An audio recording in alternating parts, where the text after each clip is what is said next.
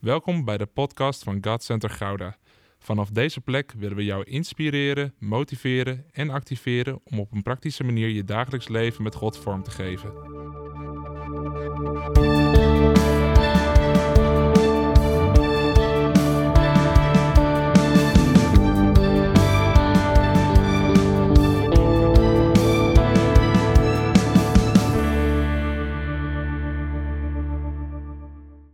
En voor vandaag legde God het zo op mijn hart om het te gaan hebben over het huwelijk. En de principes van het huwelijk. Ik noemde het net al even in, de, het intro, maar zo- zo'n belangrijk onderwerp. En, en juist op Vaderdag, en misschien denk je van, ja maar Jeroen, op Vaderdag dan moet je toch wel iets over vaderachtigs hebben. En ehm, toen, toen ik daarmee bezig was, ik zei, Heer, waarom geeft u zo sterk dit op mijn hart? En toen eigenlijk ervoor ik heel erg dat God zei, het grootste cadeau dat een vader aan zijn kinderen kan geven, is dat hij houdt van hun moeder. Het grootste cadeau dat je als vader aan je kinderen kan geven, is een gezond huwelijk. Weet je, al die andere dingen die zijn belangrijk, maar het grootste cadeau is dat je, dat je kinderen denken van, eeuw, pap, mama, zijn ze weer kusjes aan het geven. Maar dat ze voelen, ze houden van elkaar. En, en, en dat kinderen voelen, hey, het is hier veilig. Wij blijven bij elkaar. Papa en mama zijn gek op elkaar. En, en dat ze op het gegeven moment, als ze tiener worden, dat, dat jij hun grootste voorbeeld bent, papa. Dat jij, ik, ik richt me dus voornamelijk even op de mannen, maar over de rug van de mannen ook echt op de vrouwen. Jullie gaan gezegend worden. Maar jij als vader, jij als papa, je kan geen grotere zegen geven aan je dochters, bijvoorbeeld, als dat de dochter zegt, ik wil later een man zoals mijn vader. Ik wil later een man die zoveel van mij houdt, zoals mijn papa van mijn mama houdt. Weet je, dat is zo belangrijk. Dat is zo belangrijk dat je dat, dat, je dat voorbeeld geeft. En dat is eigenlijk het mooiste vader cadeau aan een kind, aan een zoon, aan een dochter dat je kan geven. En daarom kijk ik er naar uit om met elkaar naar de principes van het huwelijk te gaan kijken. En misschien denk je nu als je jeugd of tiener bent van oké, nou dit is over tien jaar voor mij. Maar laat me dan even dit zeggen. Beter begrijp je die principes nu al, waardoor jij niet straks met iemand thuis gaat komen waarvan jouw ouders volledig vlekken in de nek krijgen en in de stress schieten en denken nee, nee, nee. Amen, hoor ik. Dat is duidelijk een vader. ja, maar, maar het kan je voor zoveel behoeden. Weet je, ik zou oprecht willen dat ik voorgangers, jeugdleiders, tienerleiders had gehad, die er zo vrij over spraken, als dat we hier in God Center doen. En dat ik ook heb geleerd in God Center Voorschoten, om daar zo vrij over te zijn. Want die principes die had ik amper meegekregen, waardoor ik in mijn tienertijd dat zelf heel erg moest gaan zoeken. Van oké, wat is dan een gezonde relatie? En hoe zit het dan? En, en, en het levert schade op. Het levert schade op. Totdat je bij de juiste komt. En die heelt aan de wonden. Applausje voor mijn schatje. Ja, ja. Ik kan oprecht zeggen, ik was zwaar verwond toen wij elkaar ontmoetten. En het was de stem van God die zei, dit is je vrouw. En toen dacht ik, ja maar wacht eens even, daar stond ik helemaal niet voor open, voor een vrouw. Want ik was echt verwond. Maar in één klap, toen God dat zei, in één klap. En toen moest ik er nog echt leren kennen, maar in één klap die muren waren weg. En ik had muren om mijn hart gebouwd, waardoor ik vrouwen op afstand hield. Maar in één klap waren die muren weg. En ik kan oprecht zeggen dat in onze relatie, in ons huwelijk, dat al die wonden zo zijn genezen. Waardoor ik me helemaal veilig kan voelen, helemaal vrij kan zijn, helemaal mezelf kan zijn. En dat is een opgave voor een vrouw, als ik mezelf ben. Ja, dus diep respect voor Peet. Doe af en toe voorbeden voor haar. Um, yes. Maar blijf dus opletten, tieners. Want het is belangrijk voor jullie. Het kan je heel veel schade schelen. En het kan ouders, als je denkt van, hé, mijn tiener die knijpt er dus uit, maar beter hoor je dit ook. Trek ze erbij, ook op de bank thuis. Hou ze erbij, want het is belangrijk. Yes. Wat ik ervoor om te delen, voordat we uh, naar echt de kern van het verhaal gaan, is de oproep te doen, we hebben mannen met principes nodig. We hebben echt in Nederland weer mannen met principes nodig. Die staan voor waar de Bijbel voor staat. Niet dat slappe geklets van, ja, maar, ja, maar ik, ja, ik voelde het niet helemaal of ik wist het niet helemaal. Maar die gewoon gaan staan en hun autoriteit innemen als man in het gezin. En nu denken sommigen van, oh, gaan we dit krijgen? De man het hoofd en vrouw onderwerpen, want zij is het lichaam. De autoriteit van de man is heel erg krachtig. En je gaat straks zien in welke gezonde balans dat komt. Dus niet schrikken, niet afhaken. Maar het is zo belangrijk dat mannen weer mannen van principes worden. Die niet met alle winden meewaaien. Die niet, die niet denken van, oh ja, maar als mijn baas dit zegt, dan waai ik maar mee. En als hij daarna weer dat zegt, dan waai ik ook maar mee. Om maar, nee. Die niet denken van, ach ja, maar de wereld die maakt concessies, dus ach ik. Nee, principes. We hebben weer voorbeelden nodig. Want wat ik zo ervoer is dat als deze generatie als die niet de principes van God gaat pakken en daar een krachtig voorbeeld in gaat worden, is de volgende generatie en de generatie daarna is daar keihard te dupe van. Want wat kunnen we verwachten van onze kinderen als ze geen goed voorbeeld hebben gehad? En wat kunnen we verwachten van hun kinderen als zij ouders hebben die geen goed voorbeeld hebben gehad? Wij maken een verschil, niet alleen in ons eigen huwelijk, niet alleen in onze eigen relatie, niet alleen in onze eigen omgeving, maar generaties lang. En daarom is het zo belangrijk dat we gaan opstaan en in onze principes gaan staan. En daar hoef je nog geen vader voor te zijn, daar hoef je nog geen getrouwd man voor te zijn, daar moet je man voor zijn. Dus als jij bent geboren als man, dan is het tijd om als man op te staan, ook als je nog maar 14 bent. Ook als je nog maar 12 bent. Weet je, we hadden niet afgelopen vrijdag, de vrijdag ervoor hadden we het over uh, relaties, vriendschappen, over seks bij, bij de jeugd. En, en een meisje die deelde iets en dat raakte zo mijn hart. Die zei, ik hou nu al een dagboekje bij voor mijn toekomstige man. Zodat hij mij niet alleen zal leren kennen van dat moment, maar dat hij weet waar ik allemaal doorheen ben gegaan. Dat hij weet hoe serieus ik met hem bezig ben geweest om mij nu al voor te bereiden voor als ik hem straks ken. Wauw, ik was echt onder de indruk. Ik was zo onder de indruk, want ik dacht, wauw, dat is serieus voorbereiden. Dat is nu al bezig zijn met de principes voor dat wat je nog helemaal niet hebt ontvangen, maar wetend, beter maak ik me klaar, zodat ik er echt klaar voor ben als ik straks. Je hoeft niet al een relatie te hebben om in die principes te stappen, in die principes te investeren. Nee, ook als je nu tiener bent, je bent 12 of je bent 14, misschien is dat wel juist de leeftijd dat het tijd is om die principes al toe te gaan eigenen en je helemaal eigen te maken, waardoor je straks krachtig kan zijn als je hem of haar wel ontmoet, of je nou man of vrouw bent. Want de huwelijken van onze kinderen en kleinkinderen worden nu al bepaald. Dus vaders, mannen, Vandaag is de tijd om op te staan. Want ik zat me af te vragen, hoe kunnen wij het verschil maken als wij niet verschillend zijn? Hoe kunnen wij als kerk, als kerk van Jezus, hoe kunnen we het verschil maken als we niet verschillend zijn? Als we niet die principes helemaal pakken.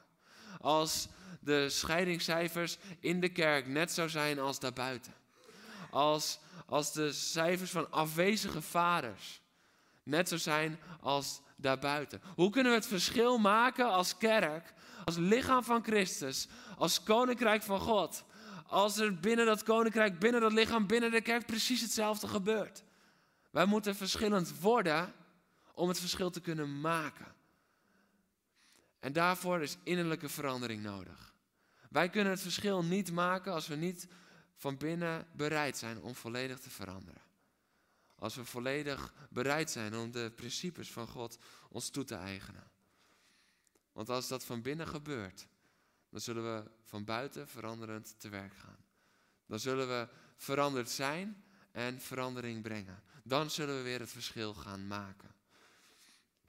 Ik wil met je lezen uit Efeze 5. En dat is inderdaad dat stuk waar we zo vaak naar refereren, maar vaak maar uh, twee of drie versen van lezen. Maar we gaan even een wat groter stuk lezen. Ik wil vragen of je opzet voor het, woord, voor het woord van God. We lezen vers 21 tot en met vers 33. En 21 is eigenlijk de afsluiting van het gedeelte daarvoor. Aanvaard elkaars gezag uit eerbied voor Christus.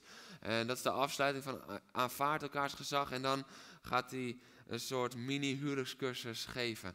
En ik vind dit de meest krachtige huwelijkscursus die er is, die Paulus hier even schrijft. Vrouwen, erkennen het gezag van uw man als dat van de Heer. Want een man is het hoofd van zijn vrouw, zoals Christus het hoofd is van de kerk, het lichaam dat hij gered heeft. En zoals de kerk het gezag van Christus erkent, zo moeten vrouwen in ieder opzicht het gezag van hun man erkennen. En de meeste mannen dachten natuurlijk van het is vaderdag, dan stoppen we hier. Dit is goed, dit is een goede vaderdag boodschap, maar we gaan door. Want mannen, heb uw vrouw lief, zoals Christus de kerk heeft liefgehad en zich voor haar heeft prijsgegeven, om haar te heiligen, te reinigen met water en woorden, en haar in al haar luister bij zich te nemen, zodat ze zonder vlek of rimpel of iets dergelijks zal zijn, heilig en zuiver. Zo moeten mannen hun vrouw lief hebben, als hun eigen lichaam. Wie zijn vrouw lief heeft, heeft zichzelf lief. Niemand haat ooit zijn eigen lichaam. Integendeel, men voedt en verzorgt het zoals Christus de kerk. Want het zijn zijn lichaam en wij zijn de ledematen. Daarom zal een man zijn vader en moeder verlaten en zich hechten aan zijn vrouw. En de twee zullen één lichaam zijn. Dit is het mysterie. En dit mysterie is groot. En ik betrek het op Christus en de kerk. Maar ook voor elk van u geldt dat ieder zijn vrouw moet liefhebben als zichzelf. En dat de vrouw ontzag moet hebben voor haar man. Wauw, je mag gaan zitten.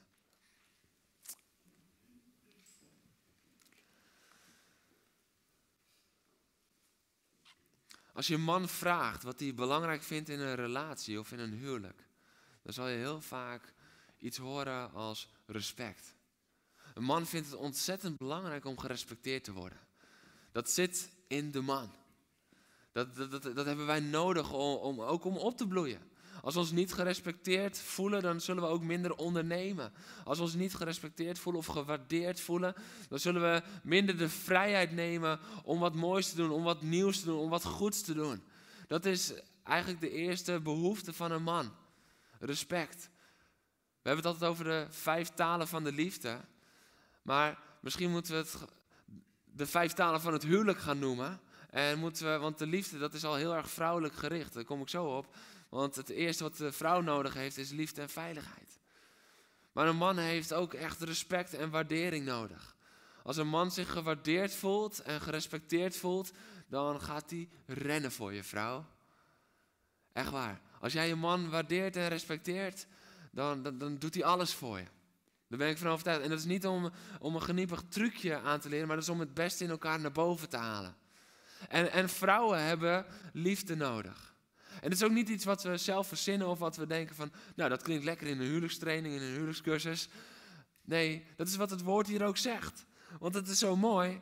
Vrouwen, erken het gezag van uw man. En later in vers 33, de uh, vrouw moet ontzag hebben voor haar man. Respect, waardering, ontzag. Dat is zo ontzettend belangrijk. En mannen, hebben uw vrouw lief. Dus we zien hier dat Paulus al de, de basisbeginselen van een huwelijk neerlegt. Respect en liefde. Ontzag en liefde. En ik wil daar wat over delen van hoe dat in onze eerste jaren ging. Uh, op het gegeven moment, kijk, ik zeg er alvast bij, dat moest ik erbij zeggen van Peter. Want ik had gisteren, ik zeg van, joh, mag ik dit voorbeeld gebruiken? Ze zegt, ja, dan zeg je er wel bij dat je niet zo heel handig was toen. Dus dat is even een kleine context, ja? Ik was toen niet zo heel handig. Um, nee, wacht. Ik was toen helemaal niet handig. Nu ben ik niet zo heel handig. Dus ik ben nog gegroeid. Ik moet het wel gewoon eerlijk blijven. Um, ik ben gegroeid, maar het is nog niet dat ze mij nou handige Harry uh, noemen. Uh, onhandige Harry wel. Maar in ieder geval, dus dat is de context. Maar op een gegeven moment, uh, in ons eerste jaar, anderhalf jaar huwelijk, toen begon Petra de vader te vragen voor alle klusjes in huis. Zonder ze aan mij te vragen. En ik voelde me gepasseerd als man. Ik dacht van, ja maar wacht eens even. Hoezo je vader? Ik ben nu je man. Hoe bedoel je? Hoezo ga je je vader bellen? Als er klusje gedaan moet worden, dan wil ik hem bellen. Want ik wil het klusje niet doen, maar ik wil niet dat je gelijk je vader belt. Dat is echt wat er in me omging. Ja, ik wilde dat klusje niet doen, maar ik wilde wel respect. ik wilde wel dat, dat, dat stukje erkenning van jij bent mijn man, dus we doen dit samen. En jij mag mijn vader bellen. Nou, hé, hey, dan voel je hem op een topman, toch? Maar zo, zo, zo, ging dat. En toen kwam ik erachter, van, want ik dacht altijd van, nee, maar zo, zo mannelijk ben ik niet. Ik ben niet zo macho. Ik heb dat respect. En, maar ik kwam er gewoon keihard achter. Ik heb dat gewoon keihard nodig. Dus als je nu denkt, ik heb dat niet nodig. Je hebt dat wel nodig. En dat is hartstikke gezond. Dat is hartstikke prima. Als Peter en ik samen in bed liggen en we liggen lekker, we houden elkaar vast, dan zegt Peter van, oh ik voel me zo geliefd en ik voel me zo veilig. Dat is iets wat zij keihard nodig heeft. Als ik haar in mijn arm heb, dan zeg ik niet, ik voel me zo veilig. Nee, ik ben degene die veiligheid geeft. Zo hebben we allemaal wat anders nodig. Mannen en vrouwen zijn ontzettend verschillend. En dat is niet lastig, ja soms wel, maar dat is in potentie gewoon super mooi. Alleen we maken het vaak wel lastig. Maar dat is hartstikke mooi, want dat sluit op elkaar aan. En daarom is het ook zo goed om dat te weten van elkaar. Vrouwen, erken het gezag van je man. Waardeer hem, eer hem, respecteer hem. En mannen, heb je vrouw lief. Echt ontzettend, ontzettend lief. Want dat is wat ze verdient. Zij verdient jouw liefde, zij verdient jouw trouw, zij verdient jouw hele hart. Zij verdient jou helemaal. En dan is de uitdaging om, kijk, als het allemaal lekker gaat, dan is het niet zo moeilijk. Want dan is, dan is het gewoon lekker van, oh, ik voel me zo gewaardeerd, ik geef je zoveel liefde. En, maar als het nou even wat minder gaat, dan wordt het de uitdaging. Ga je wachten totdat je ontvangt, zodat je weer gaat geven. Of is het be like Jesus? Of doen we, ik wil zijn zoals Jezus. En daar is de eerste rol voor de mannen weggelegd. Want Jezus gaf, terwijl de kerk nog niet eens bestond, Jezus gaf, terwijl hij nog niet zeker wist of we het zouden ontvangen. En toch weer hield dat er niet om te geven. Mannen, kijk vrouwen, hier ga je gezegend worden. Mannen, het is tijd om je rol in te nemen.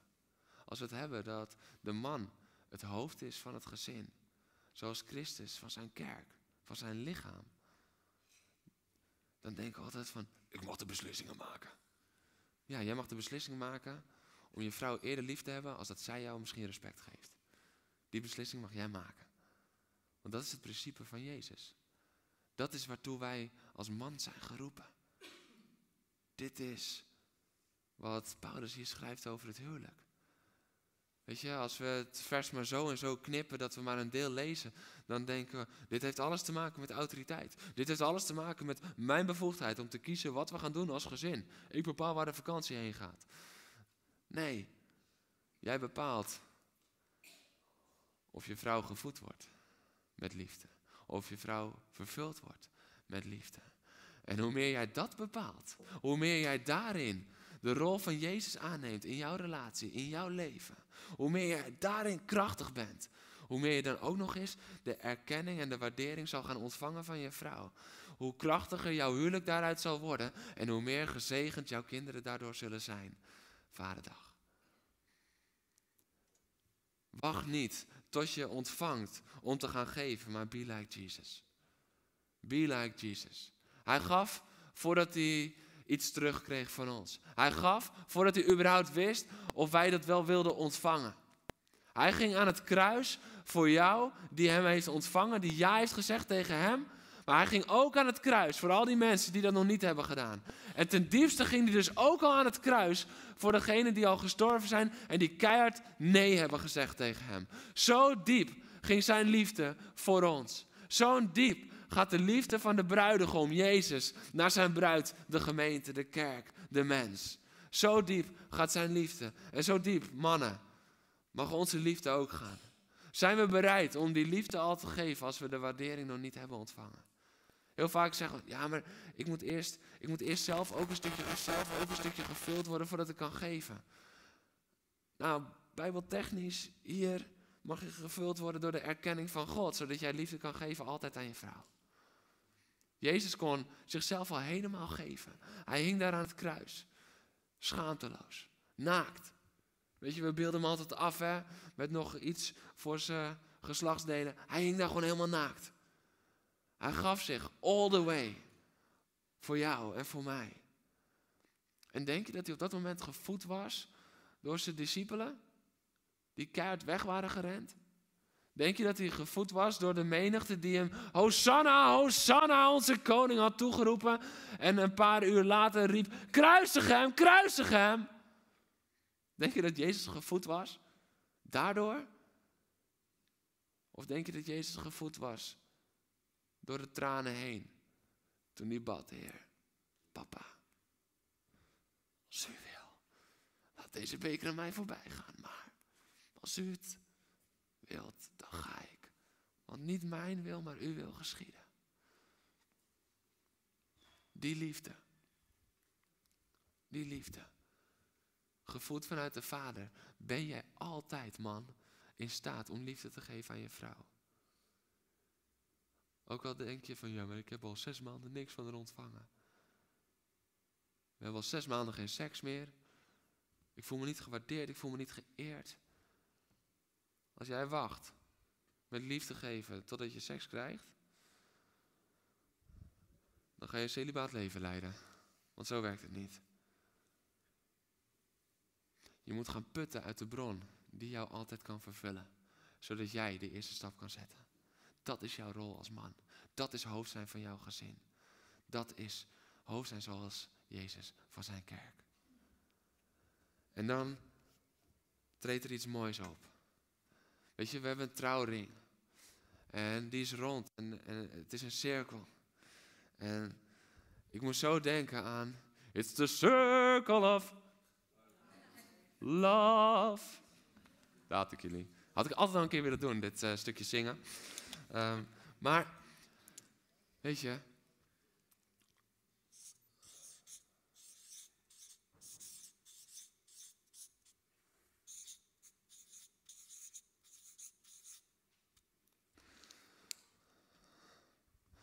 Als de man het hoofd is.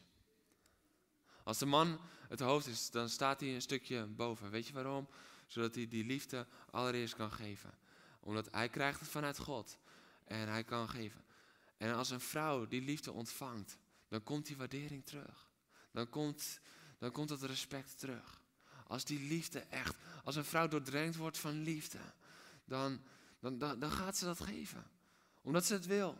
Niet omdat jij dat vraagt en eist van haar, nee, omdat ze dat wil. En laten we eerlijk zijn, we willen geen liefde of respect van elkaar ontvangen omdat de ander weet dat we het nodig hebben. Weet je, hoe, hoeveel mannen hebben, hebben dit al eens gehoord? Nee, ik wil niet dat je het doet. Ik wil dat je het wil doen. Niemand herkennen? Oké, jammer dit. We gaan zelf. Oké. Okay. Um, dit is een heel herkenbaar ding. Heb ik gehoord bij de meesten, maar jullie durven niet. Mannen, want jullie vrouw zit naast je. Dat is het. Wacht even. Vrouwen ogen dicht? Nee. Maar, maar we willen niet dat iemand het alleen doet omdat we het van uh, vragen. Vrouwen willen geen liefde omdat ze dat vragen van ons mannen. Ze willen liefde die wij willen geven. Dat is echt. Dat is echte liefde. En, dan krijgen we ook het ongevraagde respect terug. Want weet je, als dit niet lekker loopt, weet je dat we dan ook gewoon. Als je me nou zou respecteren, dan krijgen we dat soort verwijten. En dan denkt die vrouw misschien van ja, ja, misschien moet ik wat respect voor hem opbrengen. Nou, weet je wat, ik ga het proberen. Maar dan is het vanuit de vraag die jij stelt, maar niet vanuit de liefde die zij heeft ontvangen. En dat houdt dan niet stand. Dat houdt dan niet stand. Deze gezonde cirkel die, die kan alleen maar als het door en door gaat, als het een wisselwerking, wisselwerking is. En dit leidt tot eenheid. Dit leidt tot eenheid. En eenheid leidt tot intimiteit. En daarmee bedoel ik ook hele leuke gezelligheid. Dat is meer voor een huurtraining. Anders gaan de tieners helemaal uh, over de kop. Maar mannen, als je respect wil van je vrouw. Als je respect wil oogsten van je vrouw. Ga liefde zaaien. Als jij respect verlangt van je vrouw, ga, ga liefde zaaien. Ga vertellen hoe mooi ze is. Ga vertellen hoe leuk ze is. Ga, ga, ga, terug herinneringen ophalen. Ga mooie momenten, uh, nieuwe herinneringen maken. Ga liefde zaaien. En vrouwen, als je liefde verlangt van je man, ga respect zaaien. Ook als die dat respect misschien eigenlijk nog vanuit jouw oogpunt helemaal niet zo verdient. En ook als je vrouw misschien in jouw ogen die liefde helemaal nog niet zo verdient. Weet je, een ander geheimenis is dat Paulus het vergelijkt met Christus en de kerk, is dat Jezus het gaf toen de kerk het helemaal niet verdiende. Jezus gaf jou genade en liefde toen wij dat helemaal niet verdienden. Maar omdat Hij het wel gaf, zet het alles vrij in ons leven. Dus wacht niet. Wacht niet totdat je ontvangt, maar ga zaaien. Ga zaaien. En denk je nu van, ja, maar ik ben leeg. Laat je vullen. En wacht niet totdat je partner je vult, maar ga naar God. Want Hij is echt, echt, echt, echt, echt, echt, echt, echt, echt, echt de enige. Hij is echt de enige. En ga je niet omringen met vriendinnen die zeggen: Ja, maar je hebt helemaal gelijk. Ja, tjoh, als mijn man zou zijn. Of ga je niet omringen met mannen die zeggen: van, Ja, inderdaad. Nou, zullen we nog maar een extra wedstrijdje kijken dan morgen? Ben je lekker thuis weg. Ik krijg toch geen respect. Nee, ga, ga niet met die gasten omringen. Maar omringen met de mensen die je wijzen op God. Omringen met de mensen die zeggen van, hé, hey, man, misschien denk je nu van, ik wil dat ontvangen, maar beter ga je eerst weer die liefde geven. De wijze raadgevers die dicht bij de Bijbel staan, die het woord van God leren aan jou, omring je daarmee. Die je ook corrigeren als jij weer loopt te zeuren over je vrouw, over iets. Die zeggen, hé hey man, het is niet gezond om over je vrouw te zeuren. Vrouwen, het is niet gezond om over je man te zeuren. Het is heel praktisch vandaag, hè? Jullie worden er heel angstig van. Ja, ja. Mensen die thuis zijn, die zijn blij, jongen. Oh, dank u, Jezus, dat dit de laatste keer nog thuis mag. Ja, volgende week herhaling.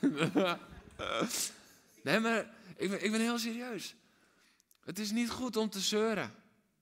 Weet je wat het doet met een man? Ten eerste als hij erachter komt, dan is dat respect en waardering helemaal weg. Dat is heel veel herstelwerk.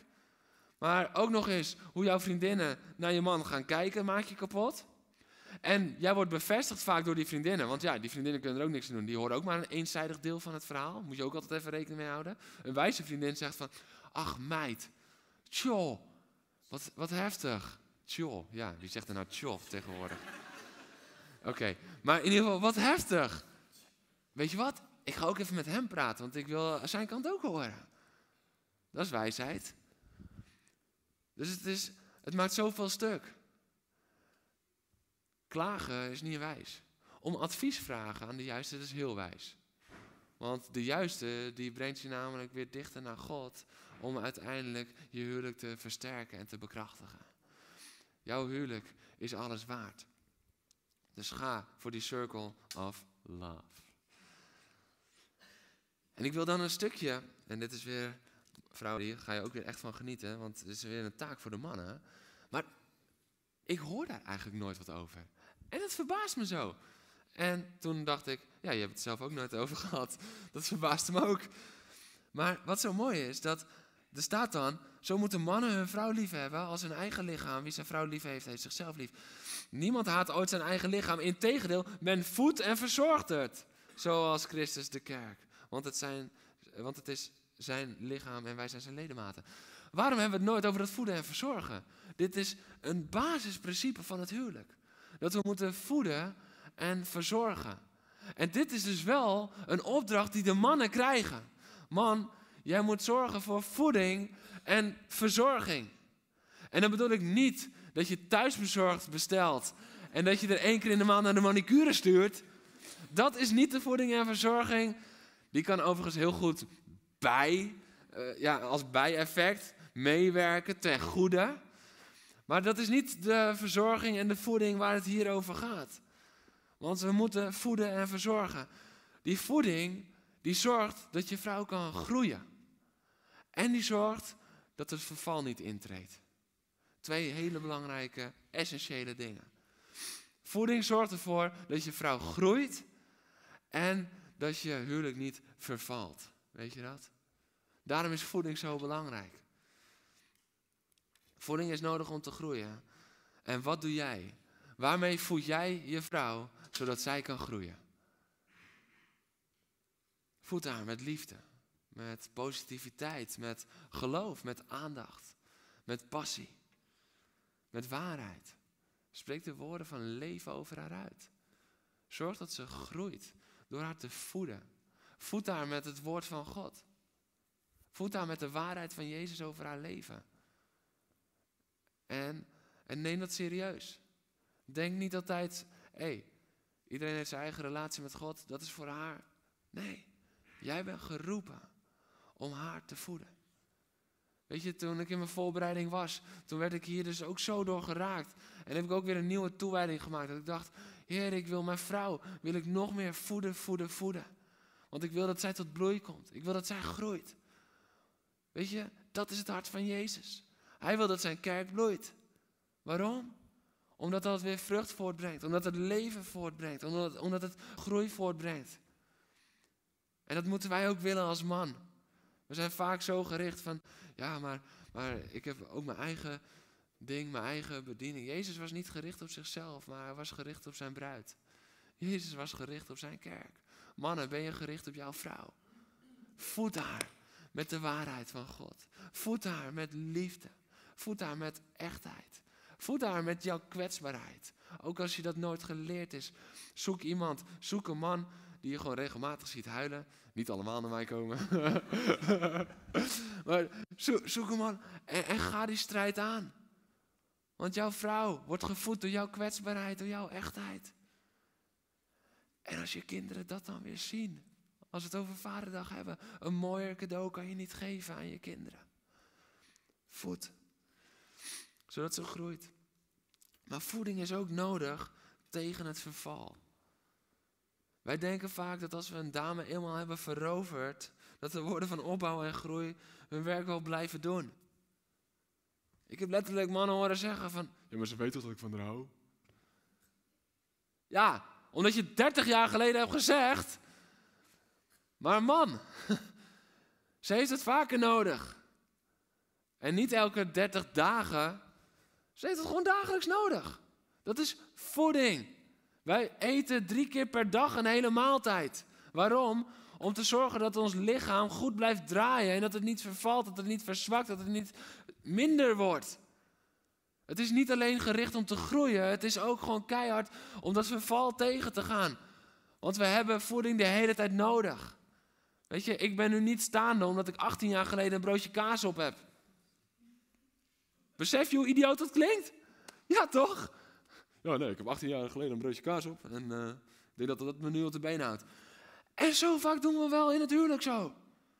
Ja, maar, hé, hey, ik heb je die beloftes, die heb ik je toch gemaakt toen we geknield waren. En toen we handen op ons hoofd kregen. Het heet onze bruiloft. Ja, maar we zijn nu 25 jaar getrouwd. En ik heb het nodig van je.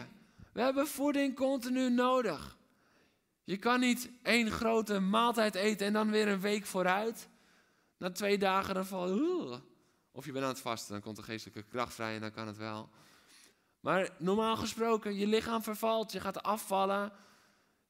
Je spieren nemen af. Weet je, we, we, denken heel vaak van, ja, maar dat is vetverbranding, dat is overtollig. En nee, als je gaat vasten, al vanaf dag drie gaan je spieren gewoon afnemen. Het beschadigt je spieren. Dat is de kracht van je leven. Jij beschadigt de kracht van het leven van je vrouw als je er niet continu voeding geeft, mannen.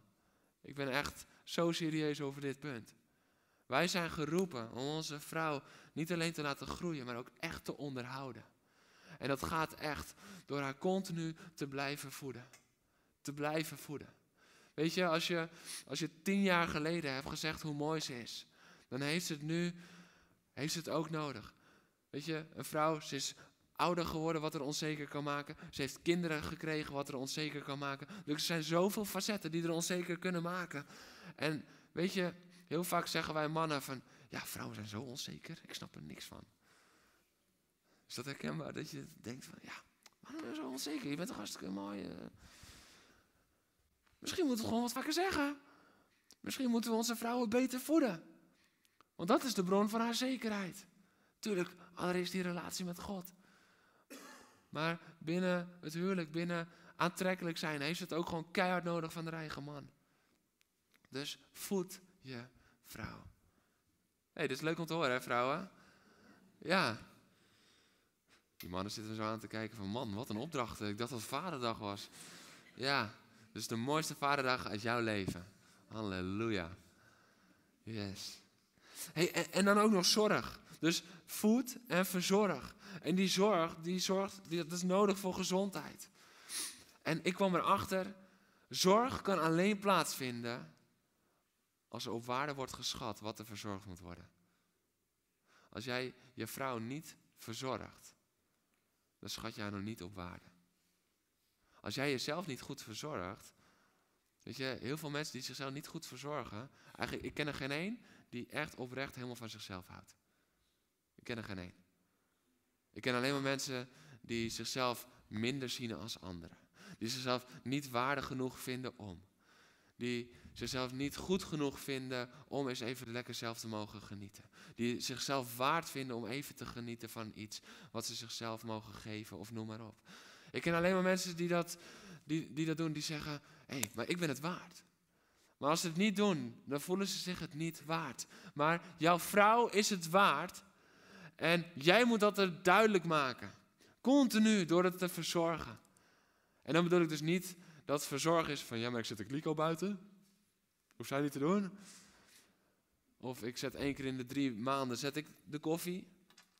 Nee, echt verzorgen. Echt verzorgen met, met liefde, met aandacht. Tijd voor haar nemen. Een spelletje spelen. Ook als je niet van spelletjes houdt. Oeh, deze is gevoelig. Oeh. Hier krijg ik haatmail over. Maar, maar dat is ook doen datgene wat jou even wat kost. Haar verzorgen is ook thuisblijven als jij zo graag ergens heen wilt. Maar ze heeft het gewoon nodig. Dat is verzorgen. Maar je verzorgt je vrouw alleen als je haar echt op waarde schat. Mannen, schat je vrouw op waarde. Je bent ertoe geroepen. En weet je wat leuk is? We zeggen altijd, ja, want het huwelijk is geven en ontvangen. En dan gaat het allemaal in een gelijkwaardige cirkel. Nou, hier worden de mannen toe opgeroepen. Voed en verzorg haar. Er staat nergens dat die vrouwen dat moeten doen. Dus vrouwen, ontvang dit. Geniet ervan. En breng een evaluatieverslag uit over een paar maanden. Dan weet ik of we het er nog een keer over gaan hebben of niet. Of dat we getuigenissen gaan delen, dat is ook mooi. Weet je, mijn verlangen is dat we na de zomer, dat we een getuigeniszondag hebben, waar huwelijk, huwelijken staan die zeggen, dit is zo veranderd door de principes van Gods woord. Want het is tijd voor verandering. Het is tijd voor een verschil maken. En dat kan alleen als we van binnen diep veranderd worden. Het is tijd voor voeding. Het is tijd voor zorg. Maar dat kan alleen als je het op waarde schat. Je verzorgt alleen wat je op waarde schat.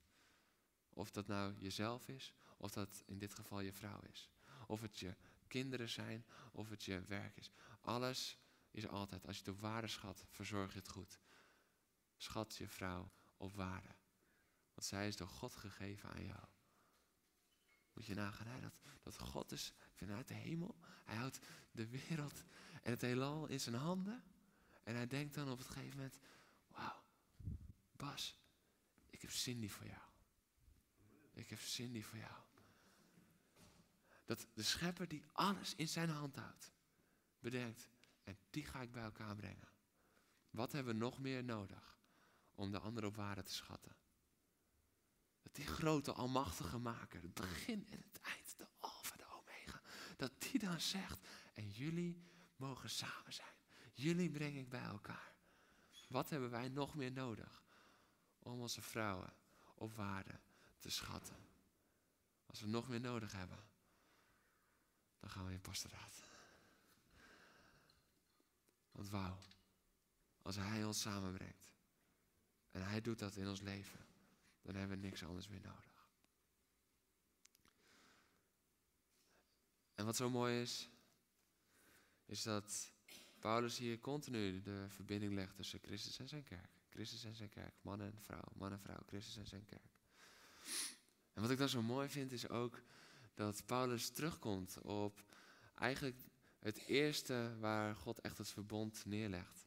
Dat is namelijk in Genesis al, en hij quote het. Daarom zal een man zijn vader en moeder verlaten en zich hechten aan zijn vrouw. Dus mannen, hecht je aan je vrouw, verlaat je vader en moeder. Dat betekent dat je moeder niet meer tussen jou en je vrouw instaat. Dat is gewoon een klein gratis tipje tussendoor, omdat dat nog zo vaak gebeurt. En vrouwen, dat geldt ook echt voor jullie.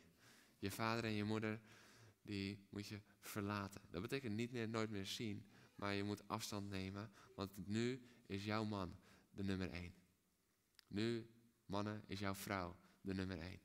En dat je af en toe samen is om advies gaat vragen aan je ouders, aan je schoonouders, dat is heel erg goed. Ja, kijk je schoonouders maar even snel aan. Ja, dat, dat is goed.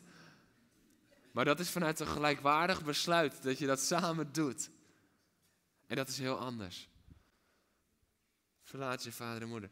En wat ik zo mooi vind is, dit is eigenlijk het eerste verbond wat, wat God in, in het woord hier heel duidelijk maakt. Heel snel daarna zien we de zondeval en zien we ook al een vooruitwijzing naar Jezus. Maar wat hier zo krachtig in is, is dat dit verbond wijst dus al, het huwelijk wijst dus al naar Christus die komen zou en zijn kerk zou gaan ophalen. Die zijn kerk zou heiligen, reinigen, zuiveren, zijn bruid. Dat is het eerste verbond wat, wat er daar plaatsvindt. En wat je dan ziet is dat waar onvoorwaardelijk dit gebeurt, waar de overgave van Jezus aan zijn kerk was vol liefde, is de overgave van de kerk aan Jezus vol ontzag. Weet je, wij hebben lief omdat Hij ons eerst heeft lief gehad. En met diep ontzag aanbidden we Hem. Dat is onze, onze taak als kerk. En Jezus heeft ons uit liefde vrijgekocht, uit liefde gered. Al zo lief had God de wereld dat Hij zijn zoon stuurde. En zijn liefde voor ons was wat Jezus aan het kruis hield. Niets anders. En weet je, ik zat erover na te denken. Er is geen mooiere kerk dan een kerk die compleet verliefd is op Jezus. Er is geen mooiere kerk. Weet je? En dan kan het licht uitvallen. Dan, dan, dan, dan, kan je met z'n allen buiten moeten staan. Dan kan de band wegvallen. Dan kan er een gitaartje staan misschien. Of gewoon helemaal a cappella. En, en dan kan alles wegvallen. Alles kan helemaal wegvallen. Gebouwen kunnen neerstorten. Maar de kerk, dat zijn wij met elkaar. En een kerk die hotel de botel is van Jezus. Een kerk die gewoon uit zijn pan gaat voor Jezus. Omdat Hij onze redder is. Omdat Hij onze verlosser is. Omdat Hij zo waanzinnig mooi is. En als we dan bidden met diep ontzag, aanbid ik u. Dat dat ontzag niet alleen over onze lippen komt, maar in ons hart landt. Dat de tranen over onze wangen stromen. Omdat we beseffen, want u bent zo groot. En u bent zo mooi. U bent zo waardig te ontvangen. Heer, en dank u. Dank u voor wat u heeft gedaan voor mij. Dank u wel voor wie u bent. Zo'n kerk, dat is de mooiste kerk die er is. De kerk draait niet om iets anders. We mogen bouwen met elkaar aan zijn koninkrijk, maar uiteindelijk de kerk draait om liefde. Weet je, dit is ook wat er in de openbaring staat. Maar wat ik op u tegen heb, u doet alles fantastisch. U onderscheidt zelfs geestelijk alles ontzettend scherp. Maar wat ik op u tegen heb, is dat die eerste liefde verloren is gegaan, zegt, zegt God in openbaring 2. Dat is wat ik op u tegen heb. Dat is wat kerk zijn is. Met elkaar hout op de boot te zijn over Jezus. Want hij is zo goed. Weet je nog, die beginfase dat je elkaar leerde kennen als man en als vrouw nu misschien, maar dat je nog een stelletje was, dat je nog verkering had. Oh, heerlijk die tijd. Ik weet nog dat Peter en elkaar, we hadden elkaar leren kennen en dat was op opwekking. Halleluja, opwekking. En, en, en, en, we waren daar in de gezamenlijke vriendengroep en dan zaten we te eten met elkaar en dan was het heel zo sneaky zo onder de tafel elkaars handje vasthouden. Hotel de botel. Hotel, gewoon helemaal gek van elkaar. Weet je wel, die momenten dat, dat je bij elkaar bent geweest, dat je afscheid neemt en dat je op de fiets al begint te appen. Slaat nergens op, maar is heerlijk. Dat we zo zijn over Jezus. Weet je, wat doe je als je straks, even voor de mensen hier thuis, eh, hier in de kerk, als je thuis bent, eh, mag je misschien op de fiets ergens anders heen gaan. Maar als je straks op de fiets stapt, wat doe je? Denk je van, oh, we hebben een heerlijke dienst gehad, oké. eh, nu weer over op de orde van de dag. Eh, wat moeten we allemaal nog regelen vanavond, vandaag? Of is het eerst wat je denkt van, oh, man, ik heb zin om nog verder te worshipen. We gaan het verder groot maken. En dat je als, als vader en moeder, dat je in de kerk zegt, Jesus! Je- in de kerk, in de auto, Jesus! En dat je kinderen erachter denken van, oh, hadden wij maar geblinde ramen hier achterin. Weet je wel? Gaan we gewoon los voor Jezus? Zijn we nog net zo hoog op de botel als dat we waren toen we tot bekering kwamen? Weet je wat zo heerlijk is aan mensen die net Jezus hebben leren kennen? Ze zijn gek! Gek op Jezus! Dat is heerlijk. En dat moeten we helemaal niet, dat moeten we helemaal niet verliezen. Weet je, de, de, de eerste momenten met Peter vind ik als we gewoon nog lekker gek doen met elkaar. Gewoon lekker maf. Dat, dat we gewoon heerlijk genieten van elkaar liefhebben en dat het gewoon lekker gek is. Dat, dat, de kinderen moeten lachen. Laat het lekker gebeuren. Blijf lekker verliefd. Dat is niet iets voor aan het begin. Ja, maar verliefdheid, dat gaat toch over in houden van Jeroen? Nee, het houden van komt erbij en blijf vooral verliefd. Ja, op een gegeven moment dan ga je misschien een keertje even van die, van die wolk af. Want je komt erachter dat diegene wel perfect is, maar zich niet altijd perfect gedraagt. Maar klim dan gewoon weer op die wolk. Zorg ervoor. Ga gewoon lekker genieten met elkaar en zorg dat je weer op die wolk terechtkomt. Er is niks mooiers als een kerk die helemaal verliefd is op Jezus. Maar er is ook niks mooiers aan een man die helemaal verliefd is op zijn vrouw. Of een vrouw die helemaal verliefd is op de man.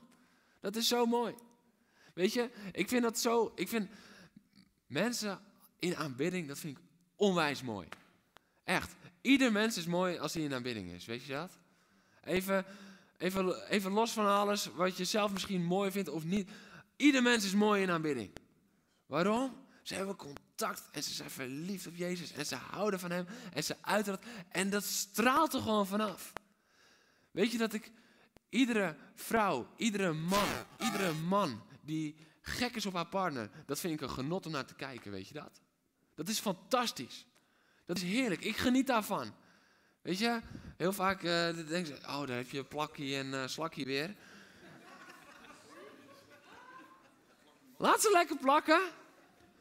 Ja, laat je kinderen af en toe zeggen, eeuw. Dat is een teken dat je goed bezig bent. Laat het er vanaf stralen. Ja. So, sorry, tieners. Ik kom binnenkort voor pastoraal uh, bij de tieners langs. Dat is geen, geen probleem. Maar, maar dat is zo belangrijk. Want het straalt er vanaf. Weet je, het is zo belangrijk. Mannen, laat merken hoe gek je bent op je vrouw. Weet je, één, het maakt jou een mooi mens. En twee, het is een schild. Want ik zeg je eerlijk, weet je, als ik op compassion reis ga of iets, dan ben ik zonder Petra. En uh, in die landen moet je vaak je ring af. Het eerste wat ik doe, op elke plek waar ik kom, is vertellen over haar. Dat iedereen weet, hé, hey, deze man is helemaal gek op zijn vrouw. Mannen, altijd vertellen over je vrouw. Of het nou op je werk is, of, of, of op de voetbalclub, of waar dan ook.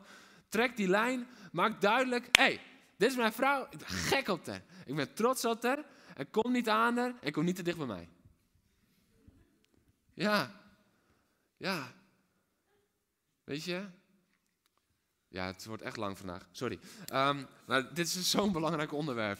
Weet je? Dit... Ik hoor een keer het voorbeeld.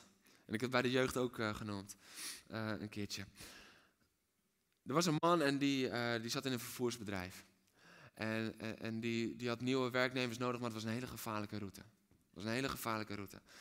En op een gegeven moment, de eerste sollicitant, die komt bij hem. En ze zitten en ze zitten te praten. En die sollicitant die zegt, ja, weet je wat ik kan? Ja, ik weet hoe, hoe diep die richel ook is, hoe diep het ravijn ook is. Maar ik kan tot, tot twee centimeter van de afgrond, kan ik in precisie kan ik er gewoon langs rijden. En die man is onder de indruk, die denkt zo, zo, deze sollicitant is goed. Maar er is nog een sollicitant. Dus die denkt, nou ja, weet je, dit zal wel gaan worden, maar laat ik toch maar even in gesprek gaan. En die sollicitant die zegt, ja, maar weet je wat ik kan? Ik kan tot één centimeter van de richel, kan ik de vrachtwagen op de weg houden. Tot één centimeter. Nou, die man denkt, nee. Ik, ik heb de jackpot gewonnen. Dit is het. Maar ja, zit, zit, er, nog, zit er nog te wachten. En, en die zegt, hey, ik kan tot een halve centimeter. Ik kan zo goed rijden dat Max Verstappen zou willen dat hij bij mij in de zat. Ja, ik kan zo goed rijden, halve centimeter. Hey, en ik zit hier nog, ik ben nooit in een ravijn gevallen. Zo. En dan denk wauw, dit is krachtig. Ik denk, oh chips, er zit er nog één in de wachtkamer. En ik kom bij die laatste. En hij zit daar zo, nou, ga jij het maar vertellen. 2 millimeter, nou, het zal wel. En die man die zegt wat anders. Die zegt, ja, je vraagt me nu tot hoe ver ik van het ravijn af kan rijden. Hij zegt, dat weet ik niet. Maar ik je één ding verzekeren. Ik blijf zo ver mogelijk van die rand vandaan. En hij heeft hem aangenomen. Het is tijd voor de principes van God. Ga niet kijken tot waar je kan zonder over het randje te vallen. Maar blijf bij die lijn vandaan. Blijf bij het ravijn vandaan. Mannen, als je voelt dat je niet gerespecteerd wordt door je vrouw, ga zorgen dat je liefde geeft, liefde geeft, liefde geeft en blijf bij dat ravijn vandaan. Denk niet, oh, ik zal bewijzen dat ik dat tot op een halve centimeter kan, want je gaat een keertje op je snuffert. Dat is gewoon de realiteit van het leven. Maar ga zorgen dat je gaat pompen in die liefde voor je vrouw en je zal respect zal je weer ontvangen. Ga het niet zoeken, ga het niet nemen, maar je zal het ontvangen. En ga het niet zoeken bij anderen op je werk. Ga het niet zoeken bij andere vrouwen die misschien op je werk wel tegen je opkijken en denken van wow, wat kun jij allemaal goed. Wow. Oh. Nee, blijf wegwijzen. Blijf wegwijzen. En denk niet zoals die chauffeurs van hey, maar ik kan tot twee centimeter. En kijk eens, ik blijf gewoon gezond in mijn huwelijk. Maar ik vind het wel heerlijk om die geluiden te horen. Man, je bevindt je op de rand van de afgrond. En er is nooit iets comfortabels aan de rand van de afgrond. Zorg dat je er bent, zoals die laatste chauffeur. Zorg dat je zegt, hé, hey, ik heb geen idee tot hoe ver ik daar zou kunnen komen, maar mij niet gezien. Ik kom daar niet. Maak gelijk duidelijk. Ik heb een vrouw van wie ik hou. Ik ben helemaal stapel gek op haar. Dus uh, wegwezen. Maak het gewoon duidelijk. Ja, dit was niet uh, helemaal een voorbereiding, maar het is wel heel belangrijk. Uh, even kijken. Ja. Ja, Bent, kom maar gewoon naar voren. ja. Ja, hè, Jut? Amen. Goed zo. Kijk. Ja. We hebben de principes van God weer nodig in Nederland. We hebben de principes van God weer nodig in onze huwelijken. En daarin moeten we radicaal zijn. Daarin moeten we echt, echt, echt radicaal zijn. Weet je, Jezus, ik vind het zo mooi, hè? heel vaak uh, zien we de verzachting van het evangelie in het Nieuwe Testament. Maar weet je dat Jezus hierin gewoon veel radicaler is als dat de wet was? De wet zei, hey, je mag niet begeren, je, je, je mag niet vreemd gaan, je mag niet... Jezus zei, hey, als je oog ertoe getrokken wordt, prik hem uit. Want beter verlies je je oog. Beter verlies je je oog. Zo radicaal is Jezus hierover. Job zegt, ik heb een verbond gesloten met mijn ogen. Job zegt, hey, ik kijk niet naar anderen. Ik, ik wil niks van anderen. Nee, ik heb een verbond gesloten met mijn ogen. Ik ben mijn vrouw trouw. Het, het is tijd dat vrouwen weer die onvoorwaardelijke trouw voelen van hun partners. En dan heb ik het niet alleen dat je niet naar andere vrouwen mag kijken. Dan heb ik het niet alleen dat je niet alleen naar porno mag kijken. Dat allemaal ook niet. Maar dat begint al met waar kijk je naar als je op straat loopt. Weet je, waar kijk je naar de billboards die langs de weg hangen? Laat je toch heel even binnenkomen en rij je weer door? Of als je weet dat hij er staat, kijk je al de andere kant op. Weet je, ik heb, ik heb maandenlang gehad dat er in Leiden, ik fietste altijd en ik weet nog precies bij de rotonde. En daar stond er een billboard en die was altijd seksistisch, was die ingekleed. En op een gegeven moment, ik, ik dacht, ik, ik wilde niet naar kijken. Op een gegeven moment ben ik bijna een keer tegen iemand aangereden omdat ik wegkeek. En toen dacht ik, dan ga ik een andere weg nemen. En toen heb ik iedere keer gewoon een omweggetje genomen. Hoe radicaal wil je zijn voor je vrouw? Zij is het waard. Als je nog worstelt met pornografie, mannen, zorg dat je er vanaf komt. Er is geen middenweg. Er is niet zo van, ja, nou ja, weet je wat, ik probeer het af en toe. Nee, desnoods mieten je die tv en die laptop gewoon het raam uit, want zij is het waard. Weet je, dat is man zijn. Dat is hoofd van het gezin zijn. Dat is hoofd van het lichaam zijn. Dat is man zijn zoals Christus zijn gemeente. Alles waard. En zij moet dat voelen, zij moet dat ervaren. Gooi het open, ook al doe je er ontzettend veel pijn mee. En, en zal het gevolg zijn dat je een tijdje je respect verloren bent. Maar verwacht dan niet van haar dat ze dat respect weer gaat geven. Voordat jij helemaal in die liefde jezelf helemaal apart hebt gezet voor haar. En herstel hebt gebracht. Het is zo ontzettend belangrijk. Het is zo ontzettend onmisbaar. Het is tijd voor radicale mannen. Die zeggen, ik ga voor mijn vrouw. En misschien denk je nu van, ja maar ik heb nog helemaal geen vriendin. Nee, maar ga alvast voor haar. Want ze is onderweg. Of je bent heel klein en je kijkt mee, of ze is er al. Ja, maar ze is er al. Besef je dat? Jouw vrouw loopt al hier op de wereld rond. Dus beter ga je alvast klaarmaken voor haar. Beter ben je haar nu al trouw. Weet je, ik heb in mijn tiende jaar heb ik twee relaties gehad voordat ik Peet leerde kennen. Ik zou willen dat iemand mij had gezegd: zorg dat je je toekomstige vrouw nu al trouw bent. Dan had ik waarschijnlijk hele andere keuzes gemaakt toen. Had ik andere keuzes gemaakt. We moeten dit horen, we moeten dit binnen laten komen en we moeten ernaar leren handelen. Zet jezelf nu al vrij voor degene die nog gaat komen. Voor degene die God al lang heeft bedacht bij jou. En wat voor een krachtige getuigenis is het. Weet je, ik heb een hele goede vriend. En die heeft tot bijna zijn dertigste heeft hij gewacht. Tot bijna zijn dertigste heeft hij gewacht. En zijn eerste vriendinnetje is zijn vrouw geworden. En die, ik mocht ze trouwen. En ik was zo vol vreugde voor hem. Want hij had het zo serieus genomen van jongs af aan al. En hij had het gepakt. en hij had echt niet te klagen aan, uh, hoe noem je dat ook weer? Aan interesse, dankjewel. Hij had niet klagen aan interesse, maar had zichzelf apart gezet. Tot hij wist, hé, hey, dit is er. Dit is er. En voor jou ga ik. En weet je wat? Ik ga nu niet voor jou, ik ging al die tijd over jou. Oh, tieners, jongens. Hoe krachtig is het als je je toekomstige vrouw. En misschien is het nu nog een ver van je bedshow. Maar hoe tof is het als je over vijf jaar kan zeggen: Hé, hey, vijf jaar geleden, toen ging ik al voor jou. En man, ik wil vandaag oproepen. Het is vaderdag. We richten ons op de mannen. Tot zegen van de vrouwen, maar uiteindelijk dus ook tot zegen van jezelf, omdat het goed is voor je huwelijk. Ik wil je oproepen om vandaag op te staan, om opnieuw in de principes van God te gaan. En ik wil je eigenlijk niet vragen om op te staan, maar ik wil je vragen om te knielen. Als jij zegt, ik wil vandaag een keuze maken om opnieuw in die principes te stappen. Ik wil opnieuw, ik wil voor voeding en verzorging gaan zorgen voor mijn vrouw.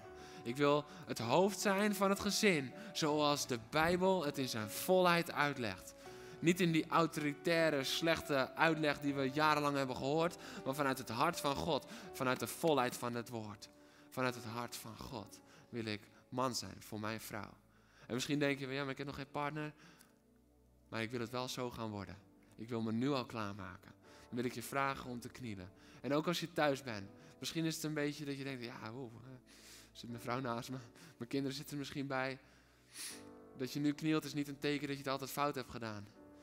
Maar dat je nu knielt is een teken dat je op waarde schat wat je hebt ontvangen van God. Dat je je vrouw op waarde schat. En dat je het nog beter wil gaan doen, want zij is het waard. Mannen, ik wil vragen of jullie met me willen knielen als je die keuze wil maken vandaag.